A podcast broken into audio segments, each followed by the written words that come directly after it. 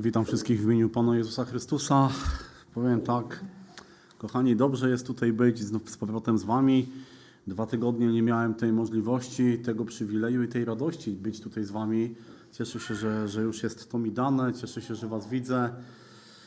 Em, Też pamiętam o tych, których dzisiaj nie widzę, którzy gdzieś tam są w domach, na łożu boleści. Też niech Was Pan Bóg błogosławi, niech trzyma Was mocno w swojej ręce. Nim zacznę dzielić się pewnym tematem, który, który też Pan Bóg położył mi na sercu, no to dwie rzeczy mam jeszcze. Ostatnio dzwonił do mnie brat Stanisław, który też nas ogląda dzisiaj, więc bardzo serdecznie bracie pozdrawiam Ciebie i powiedział, że mam pozdrowić zbór od niego i żebym pamiętał, więc wiecie, jak brat Stanisław powiedział, tak robię, więc wszystkich bardzo serdecznie pozdrawiam jego, od niego. Też y, druga rzecz, siostra Sajma pisała wczoraj do mnie, już jest po operacji. Dzięki Bogu chyba wszystko jest na dobrej drodze, ale też prosiła, żeby podziękować za modlitwy, że dziękuję ona, dziękuję też jej rodzina w Pakistanie za, za to, że my się o nią modlimy, więc też to przekazałem. Dobrze, więc teraz już, że tak powiem, to co musiałem zrobić, to zrobiłem. Wiecie, tak naprawdę nie powinienem dzisiaj tutaj stać. Bo według naszej rozpiski, według tego, co sobie tam ustaliliśmy, powinienem us- usługiwać tydzień temu, ale no Pan Bóg robi takie rzeczy, których my się nie spodziewamy. Wiecie, może dobrze się stało, ponieważ chciałem dzisiaj się zająć tematem, który, którym nie zająłbym się tydzień temu. Miałem troszkę inne plany, miałem troszkę in... chciałem się czymś innym podzielić, ale wiecie, jak to jest człowiek, z człowiekiem, jak człowiek planuje, tak? Człowiek planuje, a Pan Bóg przychodzi i, i to zmienia. I bardzo dobrze, że Pan Bóg to zmienia. Bardzo dobrze, że Pan Bóg ingeruje w moje i Twoje życie, ponieważ pozwolenie Bogu na działanie jest dużo lepsze i dużo właściwsze niż to, kiedy my próbujemy sami działać. Dzisiejszym tematem, którym bym się chciał zająć, tematem tej usługi, nie wiem, być może zna, widzieliście w internecie, być może nie, jest taki temat Twój grzech, nie Twoja sprawa. A właściwie mógłbym to troszeczkę zmienić. Twój grzech to nie tylko Twoja sprawa. Dlaczego grzech? Wiecie, dlaczego zaj- chciałem zająć się dzisiaj, Pan Bóg położył mi y, na sercu ten temat grzechu? Mm, Powiem tak, nie dlatego, że lubię. Tak, bo myślę, że nikt, y, kto, kto żyje z Bogiem, nie lubi grzechu. Ale wiecie, dlatego chciałbym się nim zająć, ponieważ jego temat jest jednym z kluczowych przewodnich e, tematów Biblii. Taka, taka zagadka, słuchajcie, taka ciekawostka może. Y, Bardzo dużo w Biblii czytamy o łasce, tak? To też jest jeden z kluczowych tematów Biblii łaska. Wiecie, ile określeń na łaskę jest w języku hebrajskim i w grece użytych w Biblii? Trzy. Dwa w Starym Testamencie, jeden w Nowym. A teraz druga część pytania. A ile wyrazów określa grzech w Starym Testamencie i w Nowym Testamencie?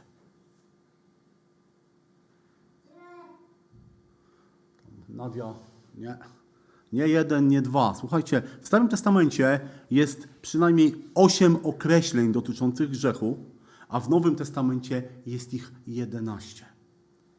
Więc dlatego chciałem zająć się tematem grzechu, bo, bo właśnie dlatego jest to, bo Biblia o nim mówi, że jest to ważne, że grzech jest czymś, co dotyczy każdego człowieka. I druga rzecz, dlaczego chciałem mówić, chcę dzisiaj mówić o grzechu, bo wiecie, doszedłem do takiego przekonania na podstawie obserwacji, że grzech jest czymś, co lekceważymy w naszym życiu. Ludzie wierzący, chrześcijanie, mają lekkie podejście do grzechu. Może się ze mną nie zgadzacie, może nie mam racji, ale wiecie, na podstawie pewnych obserwacji do, do takiego wniosku dochodzę. Pytanie, czym jest grzech? Chciałbym, żebyśmy sobie na początku zrobili pewne przypomnienie. Gdybym zadał pytanie, czym jest grzech, to co byście mi powiedzieli?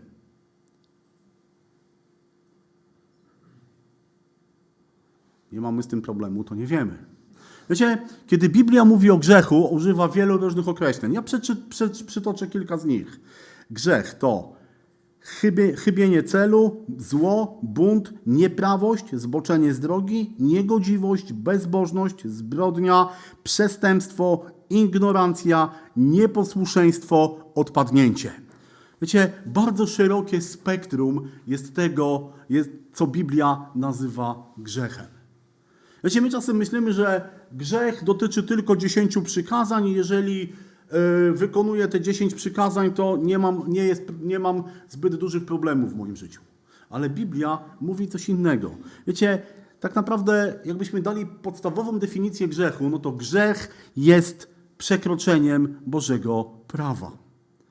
Ale wiecie, jest jeszcze coś bardziej poważne. Grzech jest zawsze buntem przeciwko Bogu i grzech jest czymś, co Bogu się nie podoba. Wiecie, bo powiedzenie sobie, grzech jest przekroczeniem Bożego prawa, to jest jakaś taka fajna definicja.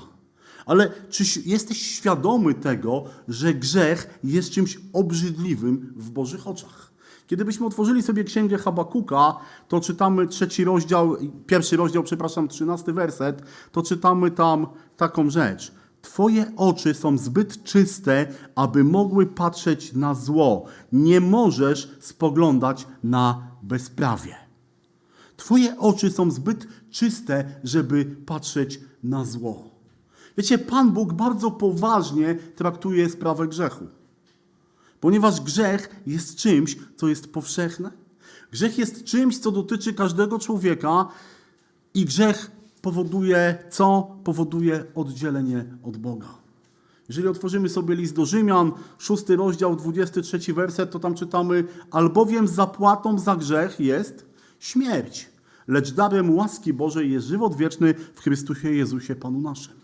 Ale chciałbym, żebyśmy zwrócili uwagę na tą pierwszą rzecz. Zapłatą za grzech jest śmierć.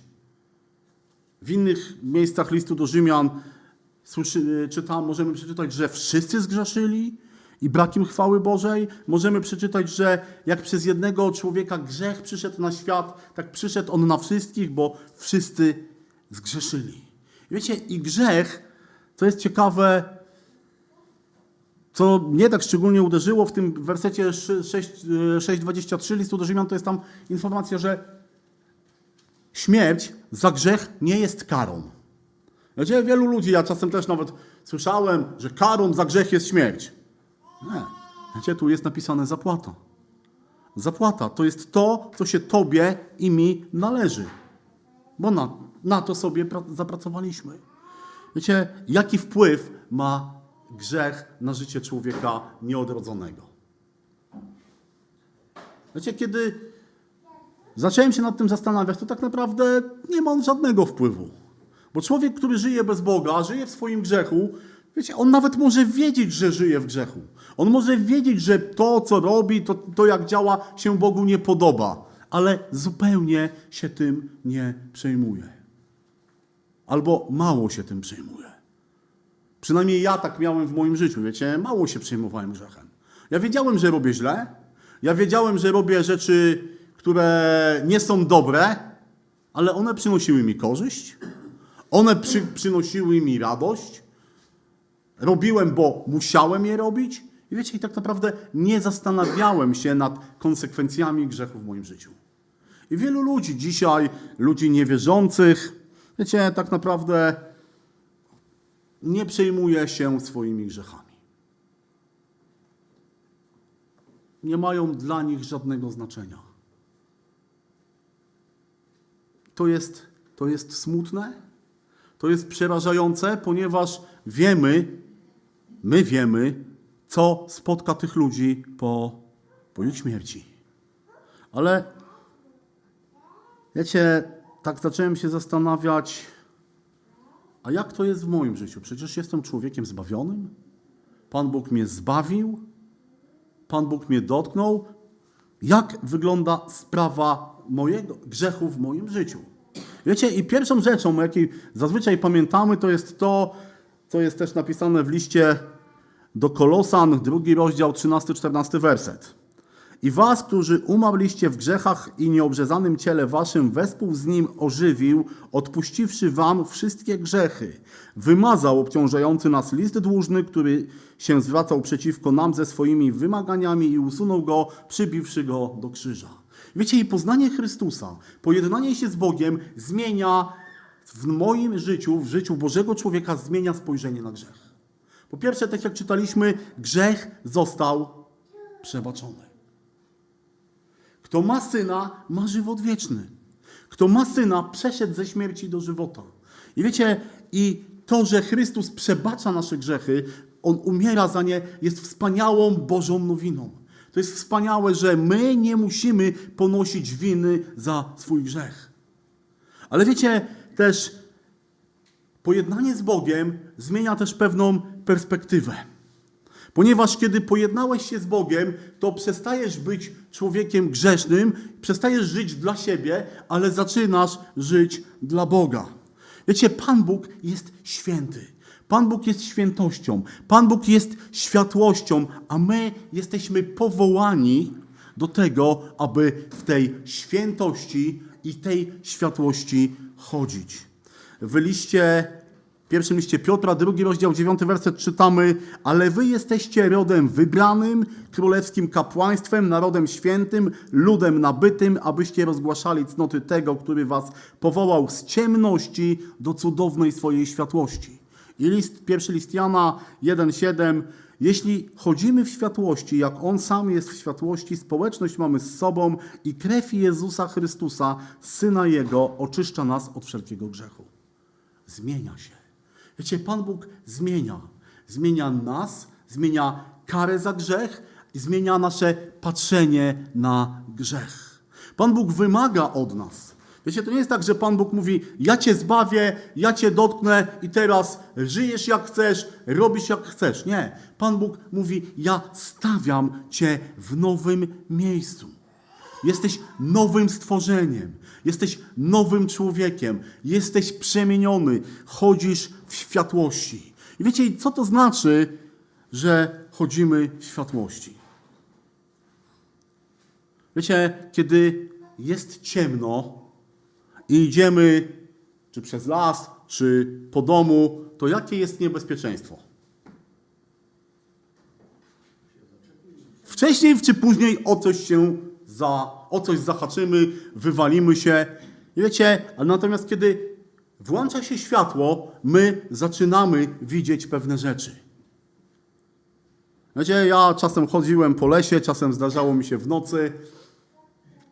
Fajnie się chodzi po lesie, ale bez latarki jest to troszeczkę trudne. Bo wcześniej czy później o coś się potkniemy albo w coś wdepniemy, będzie jakaś przeszkoda. Kiedy mamy światło, widzimy pewne rzeczy. Możemy je ominąć, możemy od nich odejść, możemy przeskoczyć, ale do tego potrzebna jest światło. Tak samo jest w życiu, jeśli chodzi o grzech. Wiecie, to, że jesteśmy nowym stworzeniem, to, że Pan Bóg przebaczył nasze grzechy, wcale nie oznacza to, że nie mamy więcej problemu z grzechem. Bo mamy. Wiecie, Biblia nigdy, chociaż wiem, że niektórzy ludzie mówią, że jak jesteś zbawiony, nawrócony, to grzech nie ma do ciebie przystępu. Ale wiecie, ja otwieram Biblię, patrzę na życie Bożych mężów i widzę, że apostoł Paweł mówi, jest z tym problem. Jest problem z grzechem w moim życiu. Nie wiem, jak jest u was, ale ja mogę powiedzieć, jest problem z grzechem w moim życiu. Ale kiedy chodzisz w światłości, tak jak powiedziałem, dostajesz tą latarkę, jest ci łatwiej. I wiecie, i Boże, Pan Bóg też chce, nie chce, żebyśmy my chodzili w grzechu. Pan Bóg daje nam pewne narzędzia do tego, żebyśmy potrafili rozpoznać, potrafili ocenić i potrafili ominąć pewne rzeczy. Wiecie, i tak naprawdę są takie cztery rzeczy, ja sobie znalazłem, które powodują to, że możemy zapobiegać grzechowi w naszym życiu. Pierwsza rzecz to Boże Słowo. Jeżeli jesteśmy ludźmi, którzy są zakochani w Bogu, którzy mówią kocham Boga, to chcemy Go poznawać. To chcemy patrzeć na niego, do Jego słowa. I wiecie, Boże Słowo zapobiega grzechowi. Ono ostrzega nas, ono przypomina Boże prawdy, ono zachęca, ono pociesza, wzmacnia i prowadzi. I jeżeli nie chcesz mieć problemów z grzechem w swoim życiu, to musisz trzymać się Bożego Słowa, bo ono jest wyznacznikiem. Bo ono jest tą drogą, na której się nie potkniesz. Prawda? Możemy sobie zadać pytanie, a jak ja z tego korzystam? Czy korzystam z tego, co Bóg mi daje? Jak wygląda mój czas z Bożym Słowem? Czym ono dla mnie jest? Wiecie, ja ostatnio miałem taki trudny troszeczkę okres w życiu i powiem szczerze, zaniedbałem czytanie Bożego Słowa. Wiecie, jak już czytałem, to na zasadzie, bo muszę, bo trzeba, ale tak naprawdę. Niestety, jeżeli zaniedbamy czytanie Bożego Słowa, jeżeli zatrzy- za, zaniedbamy trzymanie się Bożej drogi, to wiecie, bardzo szybko schodzimy na manowce. To bardzo szybko przychodzi ktoś, kto mówi: Zobacz, tu masz troszkę inną drogę. Może będzie ci troszeczkę łatwiej. Druga rzecz, żeby zapobiegać grzechowi, musimy pamiętać o wstawiennictwie Pana Jezusa Chrystusa. W liście do Hebrajczyków czytamy: Dlatego też może zbawić na zawsze tych, którzy przez Niego przystępują do Boga, bo żyje zawsze, aby wstawiać się za nami. Wiecie, czasem mamy problem. Czasem jest ciężko walczyć z grzechem, ale pamiętajmy, że mamy kogoś, kto oręduje za nami, kto się za nami wstawia, kto o nas walczy. Wiecie, Chrystus walczy każdego dnia o mnie i o ciebie. To nie jest tak, że Pan Jezus umarł i powiedział: Ja już zrobiłem wszystko. On ciągle o mnie walczy. On ciągle przypomina, on ciągle się o mnie troszczy. Jeden z, nie pamiętam już kto, napisał, że jedną z trosk Chrystusa jest to, abyśmy, będąc w świecie, nie postępowali jak świat. W liście do Rzymian, 12 rozdział, drugi werset, bardzo znany fragment, jest napisane: A nie upadabniajcie się do tego świata, ale się przemieńcie przez odnowienie umysłu swego, abyście umieli rozróżnić, czym je, co jest wolą Bożą, co jest dobre, miłe, doskonałe. Chrystus pokazuje Ci, co jest dobre, doskonałe, a Ty co z tym robisz? List Jakuba 1,27 mówi: Czystą, nieskanalaną pobożnością przed Bogiem i Ojcem jest to nieść pomoc sierotom i wdowom w ich niedoli i zachować siebie niesplamionym przez świat. Mamy problem. Ja mam problem, ponieważ jest ten świat i on nęci, i on zachęca, i on mówi: Zobacz, tak jest łatwiej, tak jest prościej. A Chrystus mówi: A ja walczę o ciebie, bo jesteś solą ziemi. Masz być inny, masz być specyficzny, masz być mój. I wiecie, to jest druga rzecz. I trzecia rzecz, która zapobiega grzechowi, to jest Duch Święty w nas. Pamiętamy, że mamy Ducha Świętego. I wiecie, i Duch Święty, jego działanie, jego zadanie jest to, że ma urzeczywistniać w praktyce to, kim staliśmy się w Chrystusie. Wiecie, to On ma pokazywać w nas, przypominać nam, kim jesteśmy. Jaka jest moja tożsamość, kim ja dzisiaj jestem. On wprowadza we wszelką prawdę. To jest drugi, jest to kolejne jego zadanie. On wprowadza we wszelką prawdę. On mówi: Zobacz, masz Boże Słowo. Kto, kto jest jego autorem? Duch Święty. I wiecie, wracam znowu do Biblii, ale kochani, im więcej ją czytamy, im więcej ją studiujemy, tym, Pan, tym bardziej Pan Bóg nam się objawia. Bo Duch Święty chce, żebyśmy byli podobni do Chrystusa. Trzecia rzecz, Duch Święty pomaga nam w modlitwie. Jest napisane, że nie wiemy o co się modlić, ale Duch Święty wie. I czwarta rzecz, On uzdalnia nas do służby. Wiecie, służba określa kierunek naszego życia, sposobu spędzania wolnego czasu, tego z kim przebywamy, co nam sprawia przyjemność, bo Pan Bóg powołuje nas do służby. Pan Bóg powołuje, Pan Bóg wyposaża i Pan Bóg chce, żeby życie nasze było służbą. W kościele, w zborze, wszędzie tam, gdzie jesteśmy. Wiecie, to są trzy takie rzeczy, które Pan Bóg dał mi i Tobie do tego, abym mógł walczyć z grzechem. Boże Słowo, Chrystusa, który się wstawia za nami i Ducha Świętego, który jest w nas.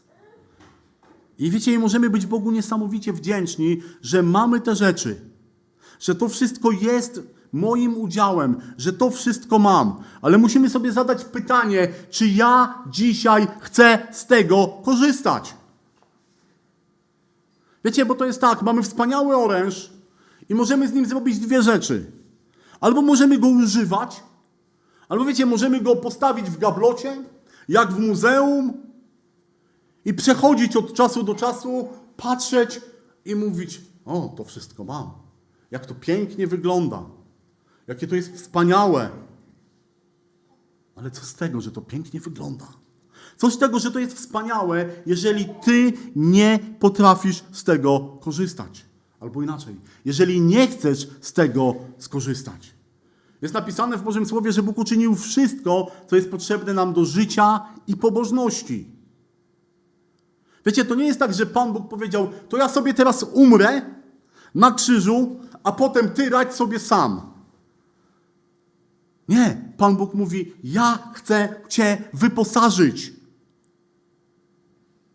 Bo ja wiem, jaki jesteś. Bo ja wiem, że są w tym świecie takie rzeczy, które Cię będą atakować, ale ja chcę dać Ci obronę. Wiecie, bo jesteśmy atakowani. I tak naprawdę są takie trzy źródła ataku, przez które grzech będzie chciał coś zrobić w naszym życiu. Pierwsza rzecz to jest świat. Oczywiście my jesteśmy ludźmi, którzy żyją w tym świecie. Jesteśmy na tym świecie i bardzo dobrze, że jesteśmy, bo to też jest pewne zadanie, które Bóg nam daje, że mamy być w tym świecie, ale nie być tacy jak ten świat. Wiecie, i świat to jest pewien system. To jest pewien system, który jest kontrolowany przez szatana i on, wiecie, charakteryzuje się tym, że daje nam pewne falsyfikaty. Wiecie, on, świat chce zabrać to, co jest dobre i dać ci falsyfikat.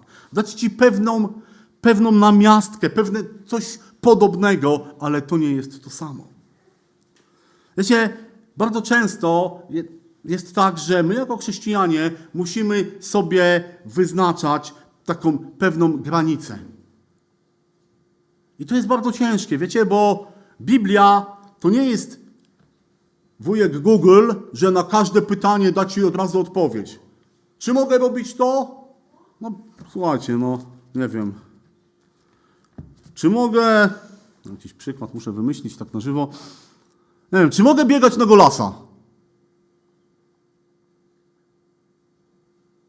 Dziwicie się, no ale ja się, znajdźcie mi gdzieś fragment, który mi powie, nie możesz biegać na golasa.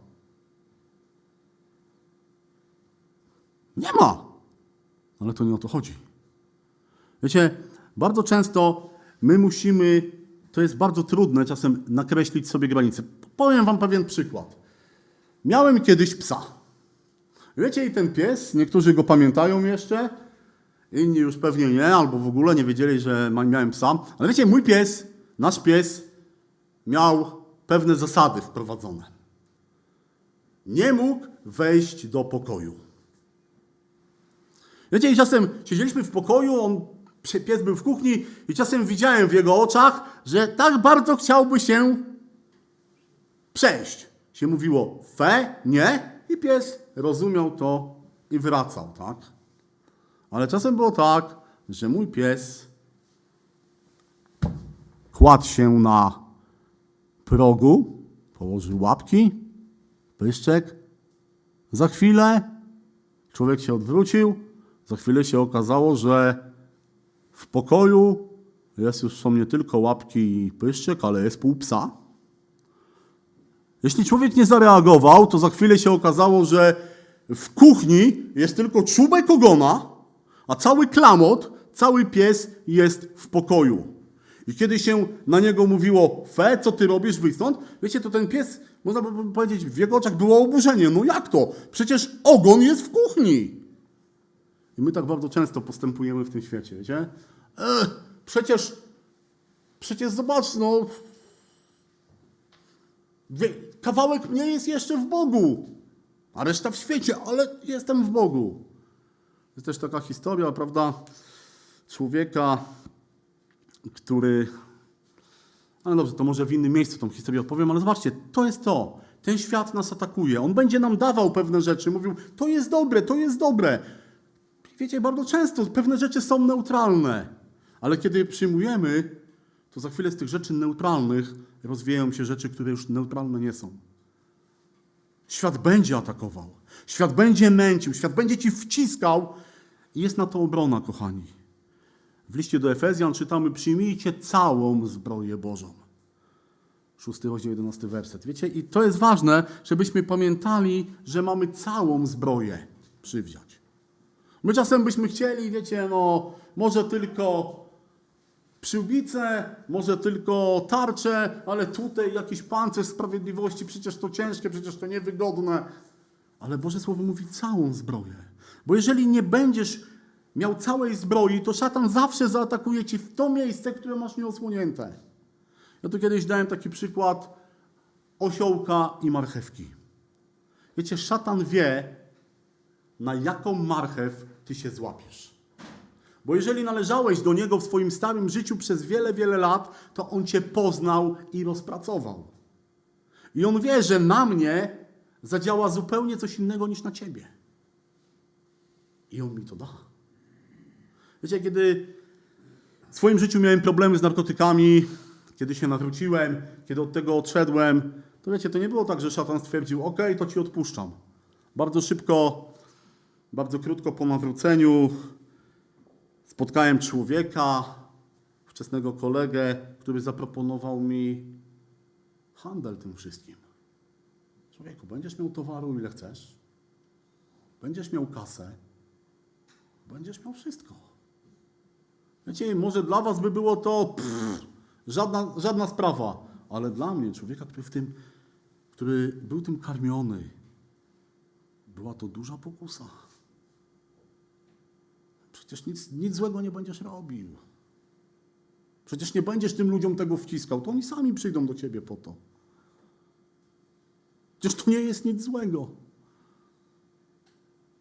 Nie. To tak nie działa. Świat będzie ci wciskał. Druga rzecz to Twoje ciało. W liście do Galacjan czytamy: Jawne zaś są uczynki ciała, mianowicie wszeteczeństwo, nieczystość, rozpusta, bałwuchwalstwo, czary, wrogość, spór, zazdrość, gniew, knowania, waśnie, odszczepieństwo, zabójstwa, pijaństwa, obżarstwo i tym podobne. O tych za- zapowiadam Wam, jak już przedtem powiedziałem Ci, yy, że te rzeczy są, którzy te rzeczy czynią, królestwa nie odziedzi, królestwa Bożego nie odziedziczą. Ale wiecie, drugą rzeczą, z którą jest źródłem grzechu, potencjalnym źródłem grzechu jest właśnie to, to są nasze ciała. To jest ta nasza grzeszna natura. My ją mamy. My mamy z nią walczyć. Wiecie, Pan Bóg nas przemienił, ale pewne rzeczy jeszcze zostają. I co możemy zrobić? Wiecie, musimy się kontrolować. W liście do Galacjan 5:24 jest napisane, że to ci, którzy należą do Chrystusa Jezusa, ukrzyżowali ciało swoje wraz z namiętnościami i rządzami. Nasze ciało zmusza nas do rząd, wiecie, ono będzie nas kusić namiętnościami, rządzami, bo tym żyliśmy, to nam się podobało, to nas budowało. Ale Boże Słowo mówi, ale Ty ukrzyżowałeś swoje ciało. W liście do Rzymian też, szósty rozdział, piąty, szósty werset czytamy, bo jeśli wzrośliśmy w podobieństwo Jego śmierci, wzrośniemy również w podobieństwo Jego zmartwychwstania, wiedząc, że nasz stary człowiek został wespół z nim ukrzyżowany, aby grzeszne ciało zostało unicestwione, byśmy już nadal nie służyli grzechowi. Z Chrystusem jestem ukrzyżowany. Żyję więc już nie ja, ale żyje we mnie Chrystus. Moje ciało, moje porządliwości mam przybijać do krzyża. To jest obrona. I wiecie, i trzecią rzeczą jest szatan. On będzie korzystał, o tym już mówiłem, z każdej okazji na atak. Wiecie, szatan to nie jest ktoś, kto walczy honorowo. To nie jest ktoś, kto was wyzwie na pojedynek na topory. Nie. On działa z zasadzki, on działa z podstępu, on działa bez żadnych zasad. Wiecie, jest taka zasada, że leżącego się nie kopie. Szatan nie będzie przestrzegał takiej zasady. On będzie atakował, on będzie do końca, bo taka jest jego natura. I wiecie, my czasem też, mi się wydaje, lekceważymy sobie to troszkę. Zapominamy, że jednak szatan jest duchem, który jest potężny. Oczywiście Chrystus zwyciężył go, ale on ciągle ma przystęp do nas. I wiecie, i on wykorzysta każdą okazję, nawet najmniejszą, żeby wejść i narobić problemu. Jaki jest ratunek? Być blisko Chrystusa. Wiecie, nie znam innego ratunku, jak być blisko Chrystusa. Można powiedzieć tyle tematem wstępu, o grzechu. Nie, nie wzdychajcie. Ale wiecie, zacząłem się właśnie zastanawiać, wiedząc to wszystko, wiedząc, co robi grzech, wiedząc, z której strony mnie atakuje, wiedząc, jaką mam obronę, co z tym wszystkim robię. Bo wiecie, jak traktujemy grzech w naszym życiu? I doszedłem do takiego wniosku, że wiecie, bardzo się nim przejmujemy w życiu innych ludzi, zwłaszcza niewierzących.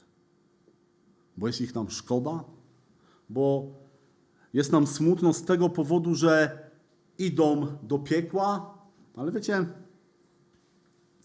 jak traktujemy grzech w naszym życiu? Bo grzeszymy, bo zdarza się, bo upadamy. Wiecie, i doszedłem do takiego przerażającego wniosku, o którym już mówiłem na początku, że czasem bardzo sobie grzech lekceważymy. Można powiedzieć, nie przejmujemy się nim. Bo przecież, kochani, słyszałem też taką opinię, no grzeszę, tak, no, ale przecież Chrystus umarł za mój grzech. Za jaki? No za każdy. Ten, który popełniłem, ten, który popełnię. I to prowadzi do takiego wniosku, że tak naprawdę mogę żyć jak chcę, mogę żyć starym życiem, bo przecież Chrystus i tak za mnie umarł. Apostoł Paweł, jeżeli dobrze pamiętam, w liście do Rzymian miał taki sam problem. Bo mówi, to co, że żeby była większa łaska, to ma być więcej grzechu? Co pisze? Przenigdy nie. A my dzisiaj, wielu, może, może nie my tutaj, ale znam osoby, które właśnie w taki sposób pochodzą, podchodzą do grzechu. Skoro Chrystus za mnie umarł, skoro ja powiedziałem taką czy inną formułkę, Panie Boże, wejdź do mojego serca, przebacz mi moje grzechy, to nie muszę się niczym przejmować. Ale wiecie, jeżeli takie myślenie się u ciebie pojawia, to zastanów się nad jedną rzeczą. Czy jesteś osobą wierzącą, czy jesteś osobą zbawioną? Bo ja patrzę do Bożego Słowa i nie widzę tam takiego podejścia. Wiecie, to jest troszeczkę podobne do listu odpustowego. Kupiłem sobie list odpustowy i tak naprawdę mogę robić jak chcę, mogę robić co chcę, bo kiedy umrę, wyciągnę list, tu jest napisane, że jestem niewinny i co mi, Panie Boże, zrobisz? Ale w Ewangelia Mateusza 7:21 tam czytamy: Nie każdy, kto do mnie mówi, Panie, Panie, wejdzie do królestwa niebios, lecz tylko ten, kto pełni wolę Ojca mego, który jest w niebie.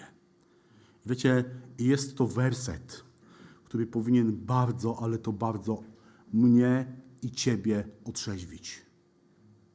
Jeżeli masz takie podejście, że tak naprawdę żyję, mogę żyć jak chcę, bo Chrystus za mnie umarł, to powiem Ci, to szatanowi pięknie udało się Ciebie wpuścić w maliny. Bo nie każdy, kto do mnie mówi, Panie, Panie. Wiecie, nie każdy, kto powie formułkę, bo ustami wierzy, ustami się wyznaje, a sercem się wierzy. Jeżeli nie ma zmiany w Twoim życiu, jeżeli nie ma zmiany w stosunku do grzechu w Twoim życiu, to się zastanów. Gdzie jest jeszcze druga, druga sprawa, i to też może dotyka tego tematu, o którym mówiłem. Jest taka postawa: mój grzech to moja sprawa. Mój grzech to jest sprawa między mną a Bogiem, a ty nie masz prawa mnie osądzać. Ale wiecie, uważam, że to jest coś, co szatan zrobił w pięknie. Jeżeli można go chwalić, to zrobił to pięknie.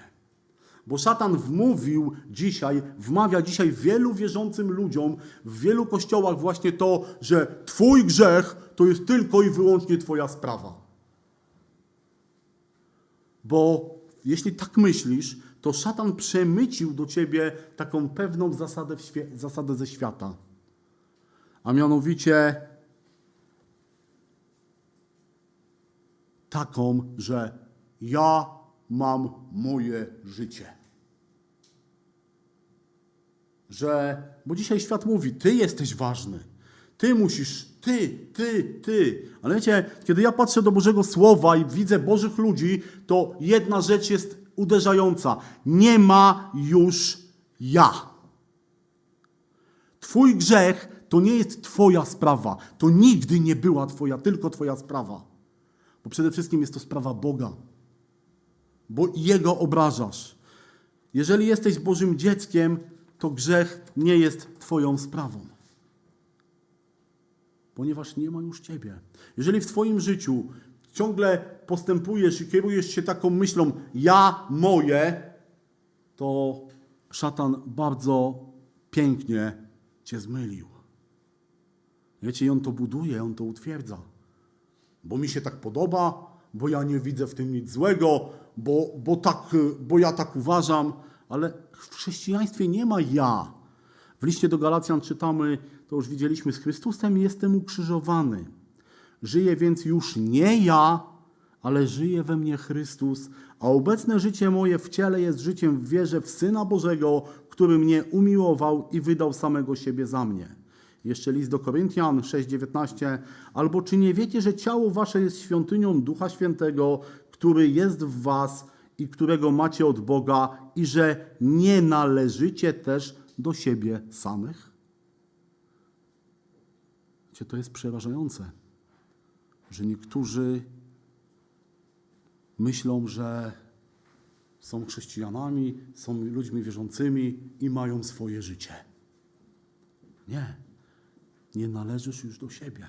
Nie ma Twojego życia. Nie ma Twojego ja. Ono umarło, zostało ukrzyżowane. Więc nie mów, że grzech to jest Twoja sprawa, bo Ciebie nie ma. Nie ma Twojej sprawy, bo już nie ma Ciebie. Twój grzech uderza w Boga, uderza w ciebie i ma konsekwencje. Wiecie, to nie jest tak, że Pan Bóg w życiu wierzącego człowieka nie daje konsekwencji jego grzechu, bo daje. Ale chciałbym, żebyśmy sobie uświadomili: nie ma mnie, nie ma ja. I druga rzecz, 1 Koryntian 12, 26, 27. Jeśli jeden członek cierpi, cierpią z nim wszystkie członki, a jeśli doznaje czci jeden członek, radują się z nim wszystkie członki. Wy zaś jesteście ciałem Chrystusowym, a z osobna członkami. Wiecie, to jest druga rzecz. Nie ma mnie, bo jestem częścią ciała Chrystusa. I jeżeli ja grzeszę, to nie ma to wpływu na mnie tylko, ale też na całe ciało Chrystusa. Prosty przykład. Jeżeli cię boli ząb, to co? to całe Twoje ciało cierpi. Tak samo jest z grzechem. Jeżeli Ty grzeszysz, ma to wpływ na całe ciało, na Kościół. Więc nie mów, że to jest moja sprawa. Więc nie mów, że grzech to jest, dotyczy tylko mnie, bo grzech nie dotyczy tylko ciebie. Jeżeli jesteś wierzącym człowiekiem, to twój grzech uderza też w innych. Twój grzech powoduje to, że Twoja społeczność jest zakłócona, że twoja ducho, Twoje duchowe życie jest zakłócone, ale też powoduje, że inni mają, też mogą mieć problemy. Wiecie, Twój grzech dotyka też innych. I to jest też taka rzecz, o której jako ludzie wierzący właśnie czasem zapominamy. Syn marnotrawny, kiedy poszedł do ojca, to mówi, syn zrzekł do niego, ojcze, zgrzeszyłem przeciwko niebu i przeciwko Tobie. Już nie jestem godzien nazywać się Twoim synem. Więc kochani, jeżeli mówimy o grzechu, to pamiętajmy, on nie, to nie jest tylko Twoja sprawa. bo jesteś Bożym dzieckiem, bo ukrzyżowałeś swoje ciało i jesteś członkiem Kościoła. I to ma wpływ na ciebie i na innych. Jeżeli popełniasz grzech albo robisz coś, co gorszy twojego brata, to masz tego nie robić, bo jesteś odpowiedzialny. Bo jeśli jesteś członkiem ciała Chrystusa, to masz budować, a nie rujnować. Paweł kiedyś napisał, że jeżeli pokarm będzie gorszy u mojego brata, to co? To nie będę jadł mięsa, żeby go nie gorszyć. Jeżeli grzech gorszy mojego brata, moją siostrę, to co będę robił? Nie będę mówił, to jest moja sprawa, tylko odejdę od tego. Wiecie, co należy zrobić, kiedy jest grzech w moim życiu? Wiecie, jest proste lekarstwo. Pierwszy list Jana 1,9 Jeśli wyznajemy grzechy swoje, wierny jest Bóg i sprawiedliwy i odpuści nam grzechy i oczyści nas od wszelkiej nieprawości. Ale to słowo wyznajemy, wiecie, to nie jest tylko, że my mamy powiedzieć pewną formułkę. Panie Boże, przepraszam Cię, bo zrobiłem to i to. Nie, bo słowo wyznanie wiąże się też z postawą. To znaczy, że mamy odejść od tego, że mamy to zmienić i do tego nie wracać. Tak, tak to wygląda. Tak to powinno wyglądać w Twoim życiu, w moim życiu, jeżeli jest grzech. Pamiętajmy o tym. On zawsze uderza nie tylko w, w Boga, nie tylko we mnie, ale też w mojego brata czy w moją siostrę, za których jestem odpowiedzialny, za ich budowanie, a nie gorszenie. Wiecie, i bardzo często, kiedy ktoś do nas przychodzi i mówi, robisz to tak czy tak źle, to jest nasze oburzenie, ale przecież to nikomu nie szkodzi. Tobie się tylko tak wydaje. Wiecie, my czasem nam się wydaje, że to nikomu nie szkodzi. Kiedy grzeszysz, jednasz się z Bogiem, ale bardzo często, tak jak powiedziałem, grzech jest przeciwko mojemu bratu. Co wtedy robimy? Słuchajcie, ile razy zdarzyło wam się po grzechu przyjść do Boga? Zdarzyło się? Mm, Mam nadzieję, że tak. Ale ile razy, kiedy popełniłeś grzech przeciwko swojemu bratu, zdarzyło ci się przyjść do Boga i pójść do brata i powiedzieć: Przepraszam, źle zrobiłem, źle pomyślałem, źle powiedziałem. Wiecie, to jest dla mnie osobiście, powiem Wam szczerze, to jest takie trochę dziwne, że przychodzimy do Boga i bardzo dobrze, ale zapominamy, że też grzech jest przeciwko mojemu bratu. Jest pewna historia w Biblii, tak naprawdę chciałem ją zrobić na oddzielnej usłudze, ale wiecie, jest, był taki człowiek, nazywał się Achitofel. Nie wiem, czy kojarzycie tego człowieka? No taka postać, gdzie gdzieś tam przemknęła przez Stary Testament. Najczęściej pamiętamy, że był to jeden z samobójców. Bo był to człowiek, który się powiesił. Ale wiecie, jego historia jest taka bardzo dziwna.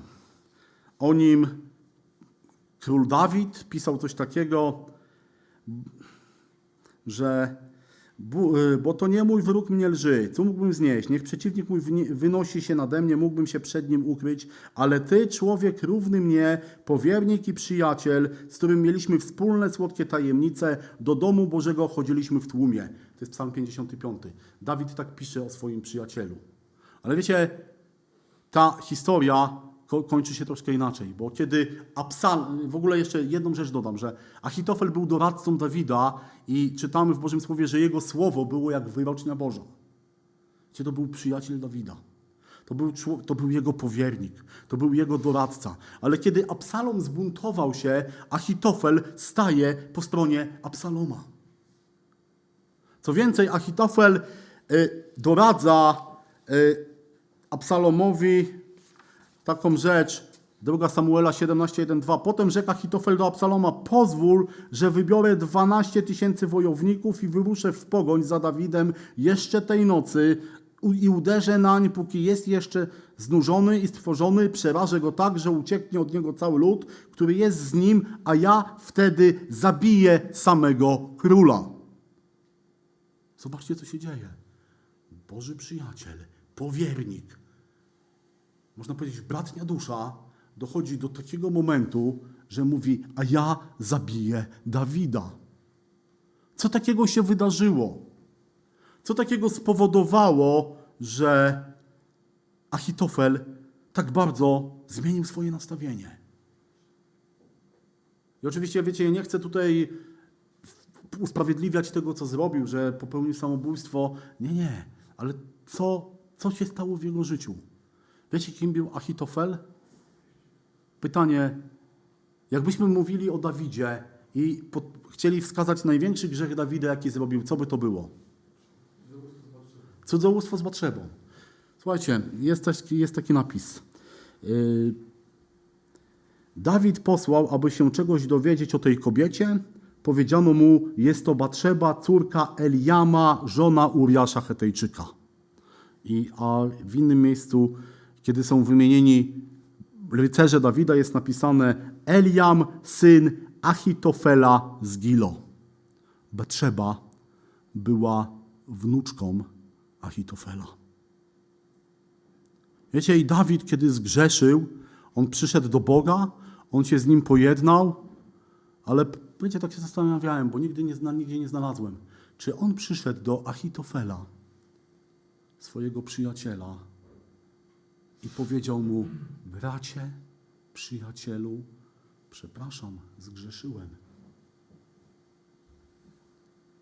Od tego czasu minęło kilka lat do buntu Absaloma. Ale zobaczcie, co spowodował grzech Dawida w jego życiu: nienawiść, złość. Dlaczego o tym mówię? Bo wiecie, bo bardzo często Twój czy mój grzech może spowodować upadek w życiu mojego brata. I jakby podsumowując tą, tą, tą całą, ten cały, cały temat, kochani, chciałbym, żebyśmy zapamiętali właśnie to, że grzech w moim życiu nie jest moją sprawą. Bo on dotyka Boga, dotyka mojej społeczności, dotyka moich braci, moich sióstr. Jeżeli pozwalamy na to, zgadzamy się, pozwalamy sobie na to, żeby grzech był obecny w moim życiu, bo mówimy o sobie, to moje życie, moja sprawa, to słuchajcie, daliśmy się wpuścić szatanowi w maliny. Wiecie, miara świętości i pobożności nie polega na tym, że jestem tak święty i tak pobożny, że będę sobie igrał z grzechem. Bo jeżeli jesteś pobożnym człowiekiem, jeżeli jesteś silny w wierze, to nie, to nie polega to na tym, siła w wierze, że możesz spoufalać się z grzechem, tylko to, że trzymasz się od niego jak najdalej. I jeszcze jedna, jedna taka rzecz. Kiedy widzisz grzech, błąd w życiu swojego brata, to powiedz mu o tym. Może cię znielubić, może cię, może się obrazić, ale może ci powiedzieć, tu nie okazujesz mi miłości? Ale to jest właśnie, na tym polega miłość, że kiedy widzisz błąd, to mówisz o tym. I pamiętajmy, kochani, że jesteśmy odpowiedzialni za grzech w naszym życiu i że to nie jest moja sprawa. To dotyczy wszystkich Boga, mnie, Kościoła. Dopuszczamy się wszyscy wielu uchybień, kochani, ale też pamiętajmy o tym, że są, są, Pan Bóg wyposażył nas w to, aby, aby tego unikać, aby nie potykać się, że włączajmy tą latarkę, którą Pan Bóg nam dał. I też, kochani, kiedy, kiedy coś takiego się zdarzy, to przychodźmy do Boga, prośmy o wybaczenie i pamiętajmy, że chociaż żyjemy na tym świecie, mamy być inni od tego świata, chociaż nasze ciało pożąda różnych rzeczy, to mamy je krzyżować i chociaż szatan będzie atakował, to mamy orędownika, do którego zawsze możemy przyjść. Ale kochani, jako Boże dzieci, jako pojednani z Bogiem, nie lekceważmy grzechu w naszym życiu. Bo już wielu ludzi zlekceważyło, bo już wielu ludzi powiedziało, przecież to nie jest nic takiego ważnego, a upadek ich był duży. I dzięki, znam osobę, która w swoim życiu narobiła różnych, różnych głupot, ale Pan Bóg podźwignął i chociaż ta osoba powiedziała, wiele lat ze swojej wspaniałego życia z Bogiem straciłem, a zaczęło się bardzo niewinnie.